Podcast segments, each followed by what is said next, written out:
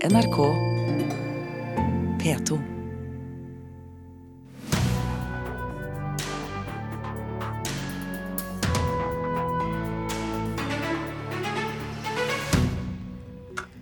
Hackere har trolig fått tak i den nye Pirates of the Caribbean-filmen, krever løsepenger for å ikke slippe den.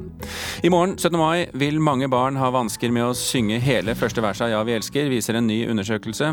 En forsømmelse, mener musikkprofessor. Og vår kunstanmelder stilte i bikini for å gjennomføre sin, eh, sitt seneste oppdrag fra oss. Hvorfor får du høre mer om i denne utgaven av Kulturnytt. Og hvem har best smak når det kommer til trommeslagere? Eh, Jeg eller den nye LO-sjefen? Du får høre mer om det også. Men først 17. mai.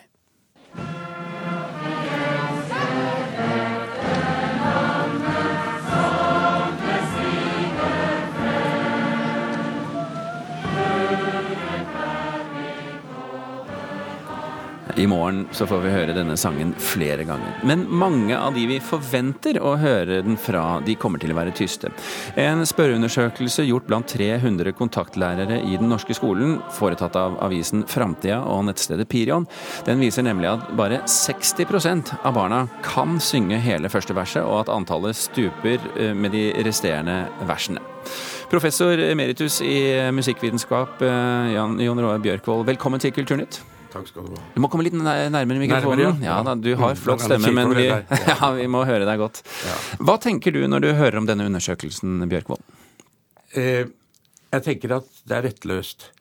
Og det er ikke lærernes feil, det er ikke ordenes feil, men det er myndighetenes feil. Hva er kulturbygging? Hva, hva skal vi lære om i skolen? Altså, 22. juli var en kollektiv erfaring på at sang er viktig for et folk. Vi bør regne krisepsykiatrien, ikke sant. Vi var lamslåtte, vi var redde, og så begynner vi å synge. Og, og det er bare et uttrykk for Altså, sang tilhører nas nasjonsbygging i gode onde dager. I morgen skal vi synge glede. Ikke bare, for noen tør ikke ha møte engang. Og der kan altså en, langs, en sang som Ja, vi elsker, bli en protestsang altså mot de som sier at vi jager oss vekk. Men, men når du sier myndigheter, hvem, hvem snakker du om? Skoles, De som har ansvaret for bygging av skolen. Ikke sant? Eh, Hvem er det? Mm. Men er vi helt tilbake til Stortinget, liksom? Er det, er det, vi skal er, du det er trekke der det vi er. Mm. Og nå skal det komme en ny læreplan. Og da er det interessant at en av de temaene som skal være gjennomgående, er eh, eh, livsmestring. Og sang har med livsmestring å gjøre. Og det viser seg i hele norsk politisk historie. altså. Kristoffer Pale, skribent og anmelder i Dagbladet. Velkommen til deg også. Hei. Tror du at eh, nasjonen Norge klarer seg selv om eh, sangkunnskapen til barna svikter? Jeg tror nok Dovre står til neste år også. Eh, Det gjør det nok. Eh, Jeg er enig i at det er veldig viktig med sang, og, og også spesielt i eh, Eller som nasjonsbygging, men jeg tror vel kanskje som all kultur så er det en, en litt sånn formelig masse som endrer seg over tid. Og vi så jo også da 22. juli at de sangene det, Kanskje først og fremst den sangen man gikk til, var jo Mitt lille land til Ole Paus, som vel startet som en slags satirisk sang fra tekstforfatterens side, og som endret funksjon eh, og mening og ble det, man, Jeg tror kanskje Ja, det, det, er litt, eh, det er vel litt tilfeldig hvilke sanger man går til da, som blir en del av det nye nasjonsbyggingen. da. Man kan kanskje ikke planlegge sånt. Er ikke dette et poeng, Bjørkvold, at, eh, at kulturen er i endring hele tiden, og du, Klart- man får nye klart er verdier? Det. Klart den er det. Men den tilføres mening. altså Vårt lille land. Men også til ungdommen, ikke sant. Og da mener jeg at det var, dette vil feste seg i folk. Og De husker disse sangene. Mange av dem har det, har det fra de var, de var små. Absolutt. Ikke sant? Og de får, det er en del av en fortelling. Nå, altså I går så spilte jeg eh, Norge rødt, hvitt og blått med barnebarnet mitt. Ikke sant? Men fortellingen da om at dette var en protestdag under krigen, med et ønske om en gang å få lov til å synge denne sangen uten å bli arrestert. ikke sant? Og så kommer 45, og så blir den en jubel. Og denne fortellingen om hva sangen er verdt, er en del av bevisstheten som må også inn da i skolen. Og da blir det viktig å synge 'Ja, vi elsker', altså. Ja, det, det, Ja, hør nå, hør nå. Vi har denne, skjønner du, Bjørkvold.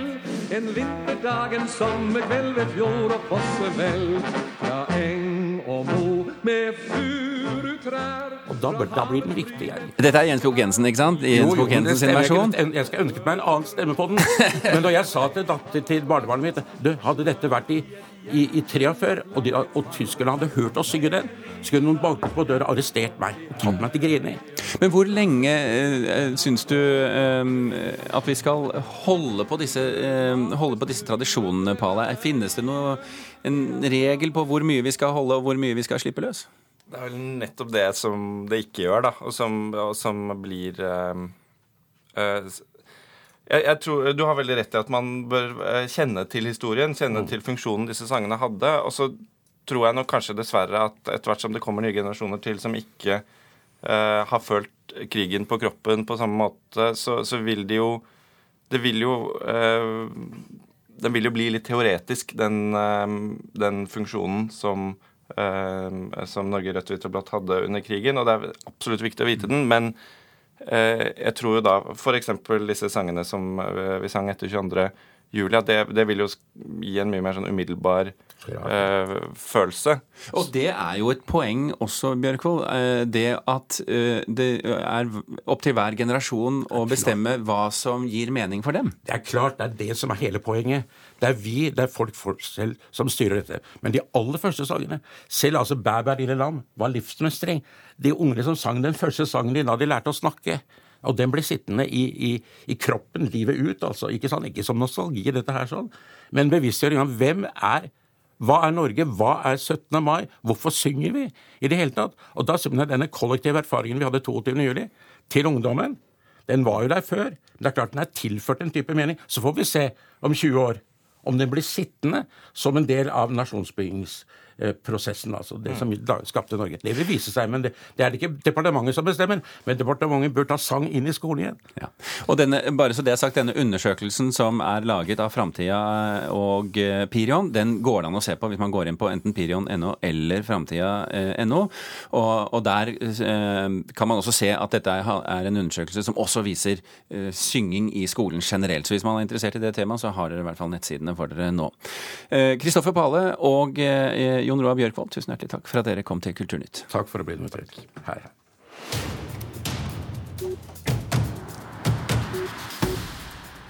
Og mens de gjestene trer ut av studio, så får vi inn vår eh, reporter eh, Hans Olav Riise, som har plukket opp den siste nyheten som kom nå på morgenkvisten, nemlig eh, at den nye Pirates of the Caribbean-filmen er i trøbbel. Vi skal høre litt fra den.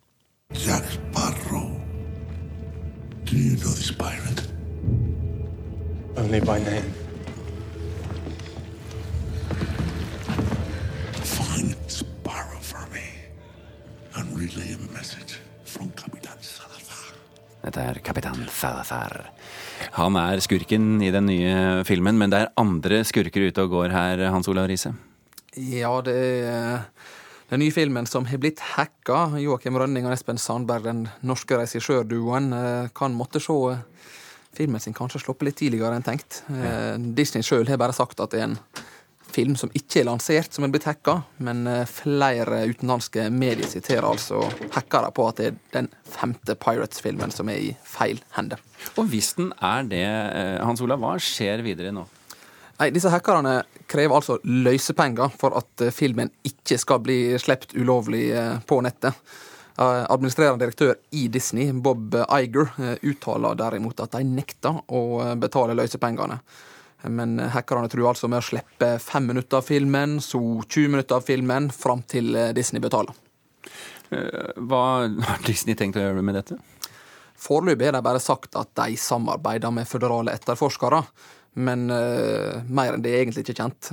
De kan derimot være i problem, for uh, senest for noen uker siden så ble den siste sesongen av Netflix-serien Orange is the New Black sluppet på nettet etter hacking. Og som Disney så nekta Netflix å betale løsepenger. Ja, vi, vi, følger denne saken eh, videre utover dagen for alle våre lyttere, så følg med på P2 og Alltid nyheter. Takk skal du ha, Hans Olav Riise. Vi bytter en kollega inn til en annen kollega, fordi i dag er det ventet at Frankrike får sin nye regjering etter at Emmanuel Macron vant presidentvalget eh, en stund tilbake. Det betyr også at Frankrike i prinsippet skal få en ny kulturpolitikk. Og eh, utenriksreporter eh, Sigurd Falkenberg Mikkelsen, hva betyr en kulturminister i Frankrike? Så Det kommer litt an på presidenten og litt på tiden man lever i. Eh, tradisjonelt så har det hatt veldig stor symbolbetydning og praktisk betydning eh, ved noen tilfeller, som f.eks. da Charles de Gaulle eh, hadde André Malraux, forfatteren, som kulturminister, som på en måte startet den moderne europeiske kulturpolitikken med store statlige støtteordninger og store symbolbygg. François Mitterrand ble i veldig stor grad definert av sin kulturminister Jacques Lang. Etter det så har det vært en serie serie med kulturministre som kanskje ikke har markert seg like sterkt, men det kan altså ha en, eh, en, en veldig, veldig stor betydning, også da en, en, stor, en stor symbolbetydning i en kulturnasjon som Frankrike. Hva vet vi da om Macron og hvem han kommer til å utpeke? Altså Det interessante her fra, det, altså, eh, Han har allerede markert seg som en annerledes president enn flere av sine forgjengere, bl.a. ved å holde eh, kortene veldig tett til brystet. og Fransk media vet mye mindre nå enn de pleier å gjøre på alt dette med renkespill og hvem som gjør hva, som, som, som fransk media er generelt sett veldig opptatt eh, av. Eh, det er litt interessant at eh, han vurderer å beholde den sittende kulturministeren, faktisk. En kvinne, Audrey Ajolet, som er en fransk kvinne, men av jødisk-marokkansk opprinnelse. Og han skal jo balansere denne regjeringen mellom høyre, venstre, mann, kvinne. Han har vært veldig opptatt av dette med likestilling også under valgkampen, og har nå nominert også en mann som statsminister. Han uttalte jo også et ønske om å, om å kanskje finne en kvinne til den posisjonen. Det har han ikke gjort. Eh, og så har han også markert seg som en politiker som ønsker en åpning mot eh, sivilsamfunnet. Og der vet vi jo at en kulturminister ofte kan komme inn utenfra. Eh, et annet navn som sirkulerer, som jeg tror kanskje er litt mindre aktuelt, det er Erik Orsena, en kjent forfatter som også står tett på Macron. Men vi er litt usikre fremdeles. Vi er fortsatt ja. usikre. Hva slags forhold vet vi om Macron har til kultur, da?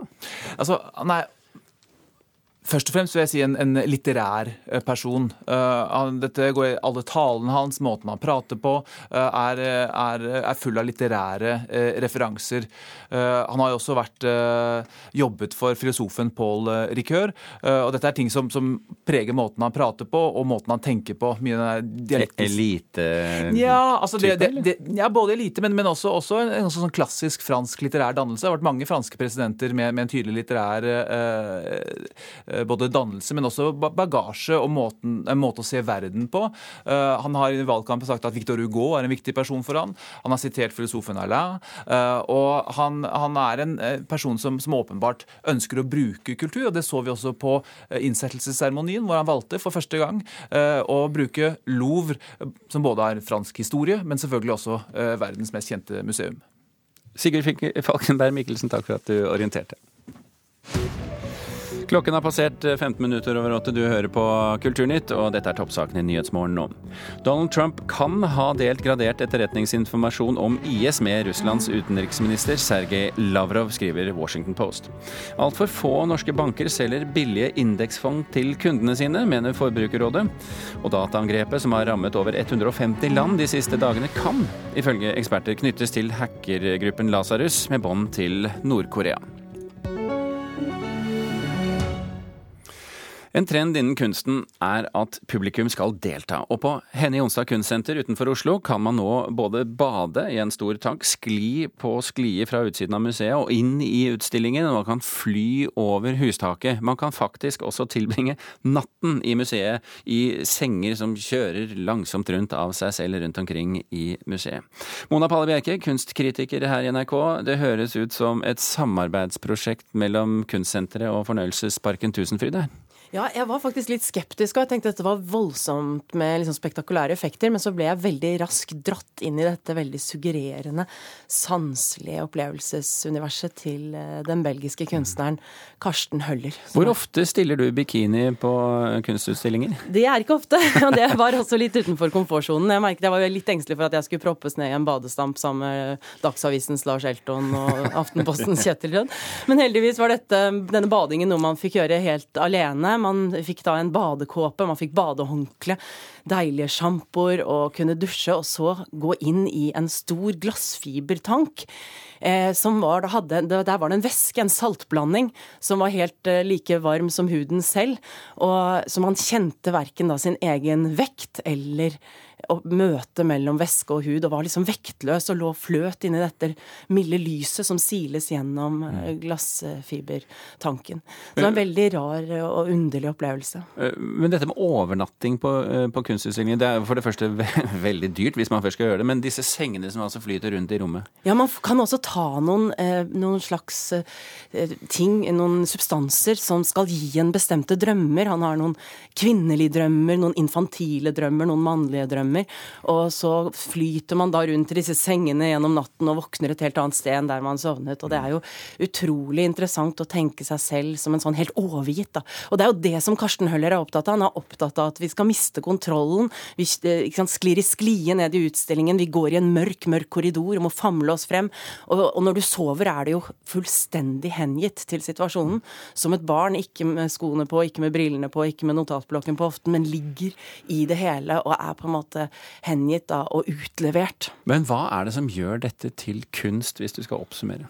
Ja, Det er jo krevende å ta det hva er det kunstspørsmålet, men det Karsten Høller er opptatt av, er jo å utfordre våre vante atferdsmønstre, utsette oss for desorientering, eh, tvinge oss til å fatte beslutninger, og også utforske selv, og la oss utforske hvordan på en måte sanseapparatet og bevisstheten møter ulike typer erfaringer.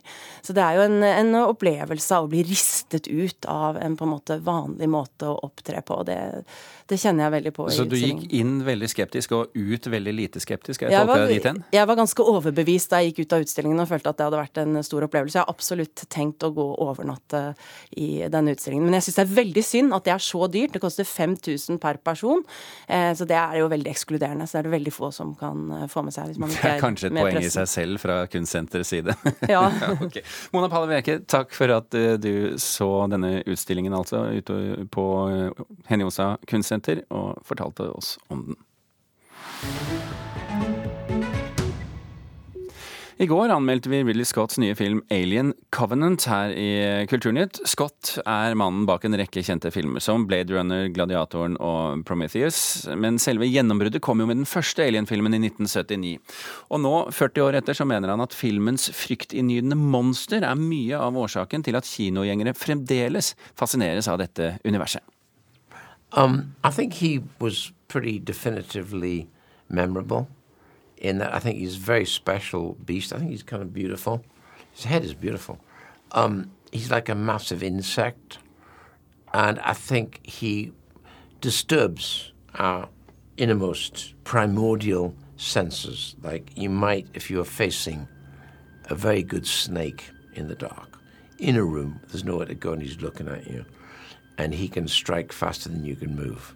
So, in a way, that's mesmerizing. So, I think he's mesmerizing. Han er et spesielt beist som forstyrrer våre innerste primitive sanser. Det sier regissør Ridley Scott om monsteret fra Alien-filmene.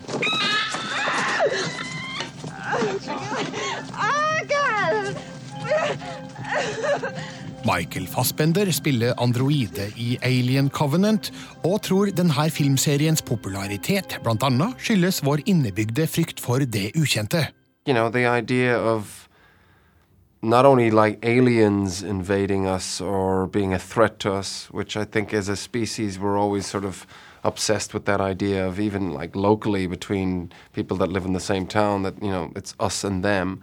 Uh, uh, we have that within us. And then I think, you know, the, the, the idea that they that they use us as hosts, that they grow inside of us and that they, you know, come out of our bodies. I think that's another um, terrifying concept. Uh, so yeah, it's obviously just captures the our our imagination.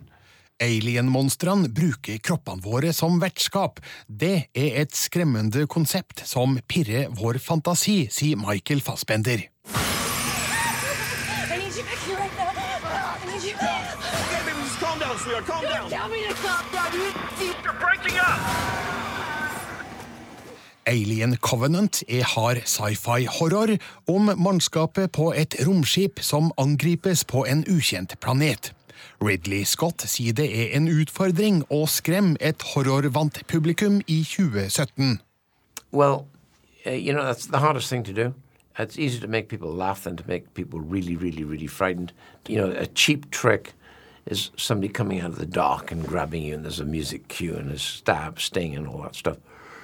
And it's a cheap shock. I think the the long drawn out evolution from stress to trepidation to fear to terror that's tricky. That's hard. Covenant, do you read me? Covenant, come in. Alien Covenant har altså premiere nå på fredag. Reporter her, det var Birger Vestmo. Forrige uke så fikk LO ny leder, Hans Christian Gabrielsen. Han fremstilles i media som en kunnskapsrik og skarp fyr, godt likt på tvers av det politiske spekteret, og han roses selv av NHO. Men han har en annen side, og en mer musisk side. Ja, ganske rocka side, egentlig. Han spiller nemlig trommer i et Frank Zappa tribute-band.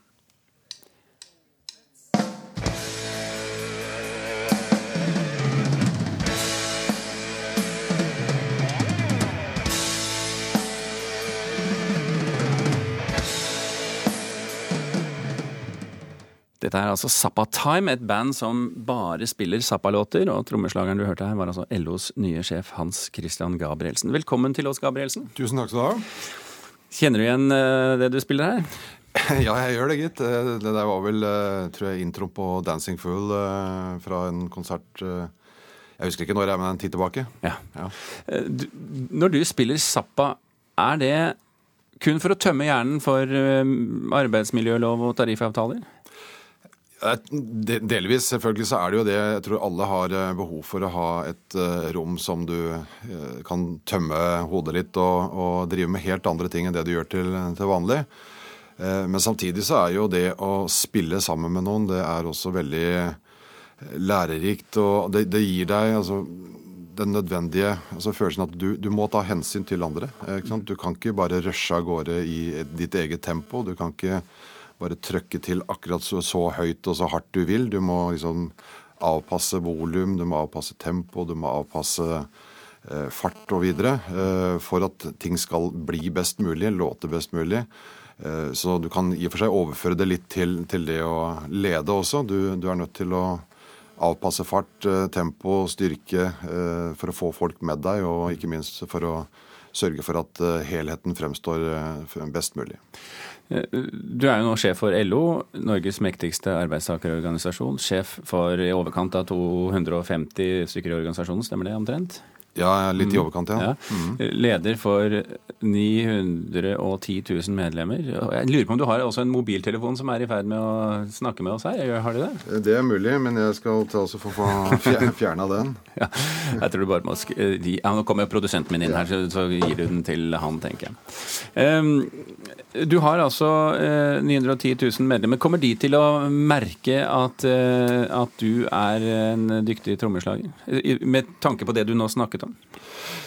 Nei, altså jeg, jeg, Det er nok ikke sånn at du vil merke at jeg er trommeslager, men, men eh, jeg har, eh, som jeg har sagt ved et par anledninger, også lært veldig mye av eh, Geir Kristiansen, den tidligere LO-lederen, når det gjelder lederstil. Og hun har en utrolig både god, varm, inkluderende og åpen måte å lede en organisasjon på, som jeg har lært veldig mye av. Eh, Og så håper jo jeg at jeg kan eh, tilføre organisasjonen eh, en del andre eh, egenskaper som, som eh, gjør at eh, vi også kan eh, bevege oss i en god retning i tida framover.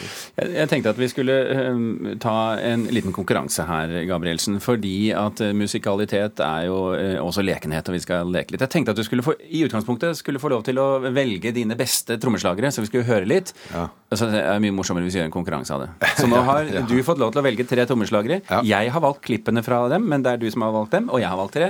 Og så har vi med oss på linje en, eh, en eh, dommer fra, eh, fra Fredrikstad, som er, heter Ole Petter Hansen Skyli og spiller trommer i Beat for beat-orkesteret. Er du med oss? Sjyli? Ja, jeg er her. Ja, det er fint. Du skal også være overdommer her. Og skal vi gå rett løs på din første favoritt? Ja, det kan vi gjerne gjøre. Det er uh, Winnie Caliuda, uh, også kjent fra Zappa, men også en rekke andre orkestre.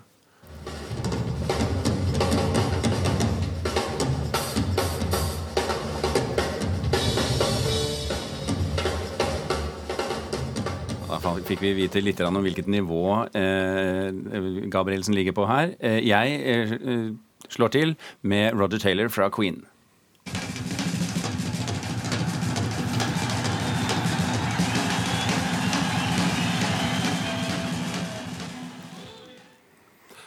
Ja, Da matcher, matcher du det? Ja, jeg matcher det absolutt. Da går jeg også til Zappa, og da går jeg til uh, Terry Bozio. En av mine Den legendariske trommeslageren.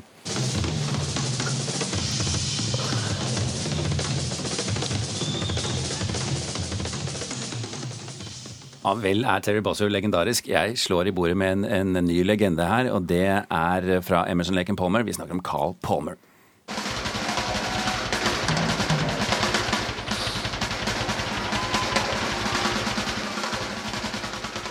Han kan spille, han òg. Han kan spille, han også, men, men eh, jeg tror jeg trumfer deg. Jeg tar uh, gamle Bonzo, John Bonham fra Led Zeppelin.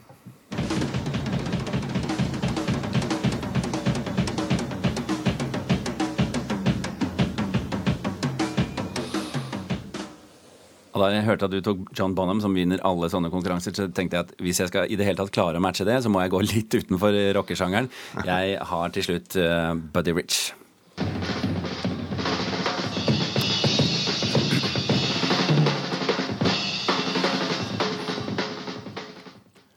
Hans Petter Hansen Skyli, nå har vi ett minutt igjen av sendingen. Eh, Forklar oss eh, hvem går av med seieren her? Nei, Jeg må si at dere har valgt noen knakende gode trommiser begge to. da. Uh, og det er ikke snaue gutter, det her, altså. Det er uh, Det er toppen. Ja, det er rett og slett toppen. og Jeg har vokst opp med mange av dem sjøl. Både Vinnie, Terry Bossy og John Bonham er jo legender. Det er Roger Taylor, Carl Palmer og òg. Men jeg holder en knapp på, på Gabrielsens tre utvalgte, jeg også. Du har Bonham, som liksom, blir regna som uh, rockehistoriens beste trommis, egentlig. Og er stilskaper, selv om Rich også er det, men som er litt fra en annen verden, egentlig. Så innafor rocken, så hvis vi holder oss der, så er det nok uh, Gabrielsen vinneren. Ja, det, Ja, jeg- jeg føler det. det, var, det var hyggelig, eh, Gabrielsen, at vi kunne gi deg denne seieren. eh. Nå må vi bare runde av, for Kulturnytt er slutt. Hans Christian Gabrielsen, takk for at du var med her i Kulturnytt. Takk også til Ole Petter Hansen. Vidar Sem og Birger Kolsrud Jåsund, vi har gjort vårt her i dag. Nå er det Dagsnytt. Hør flere podkaster på nrk.no podkast.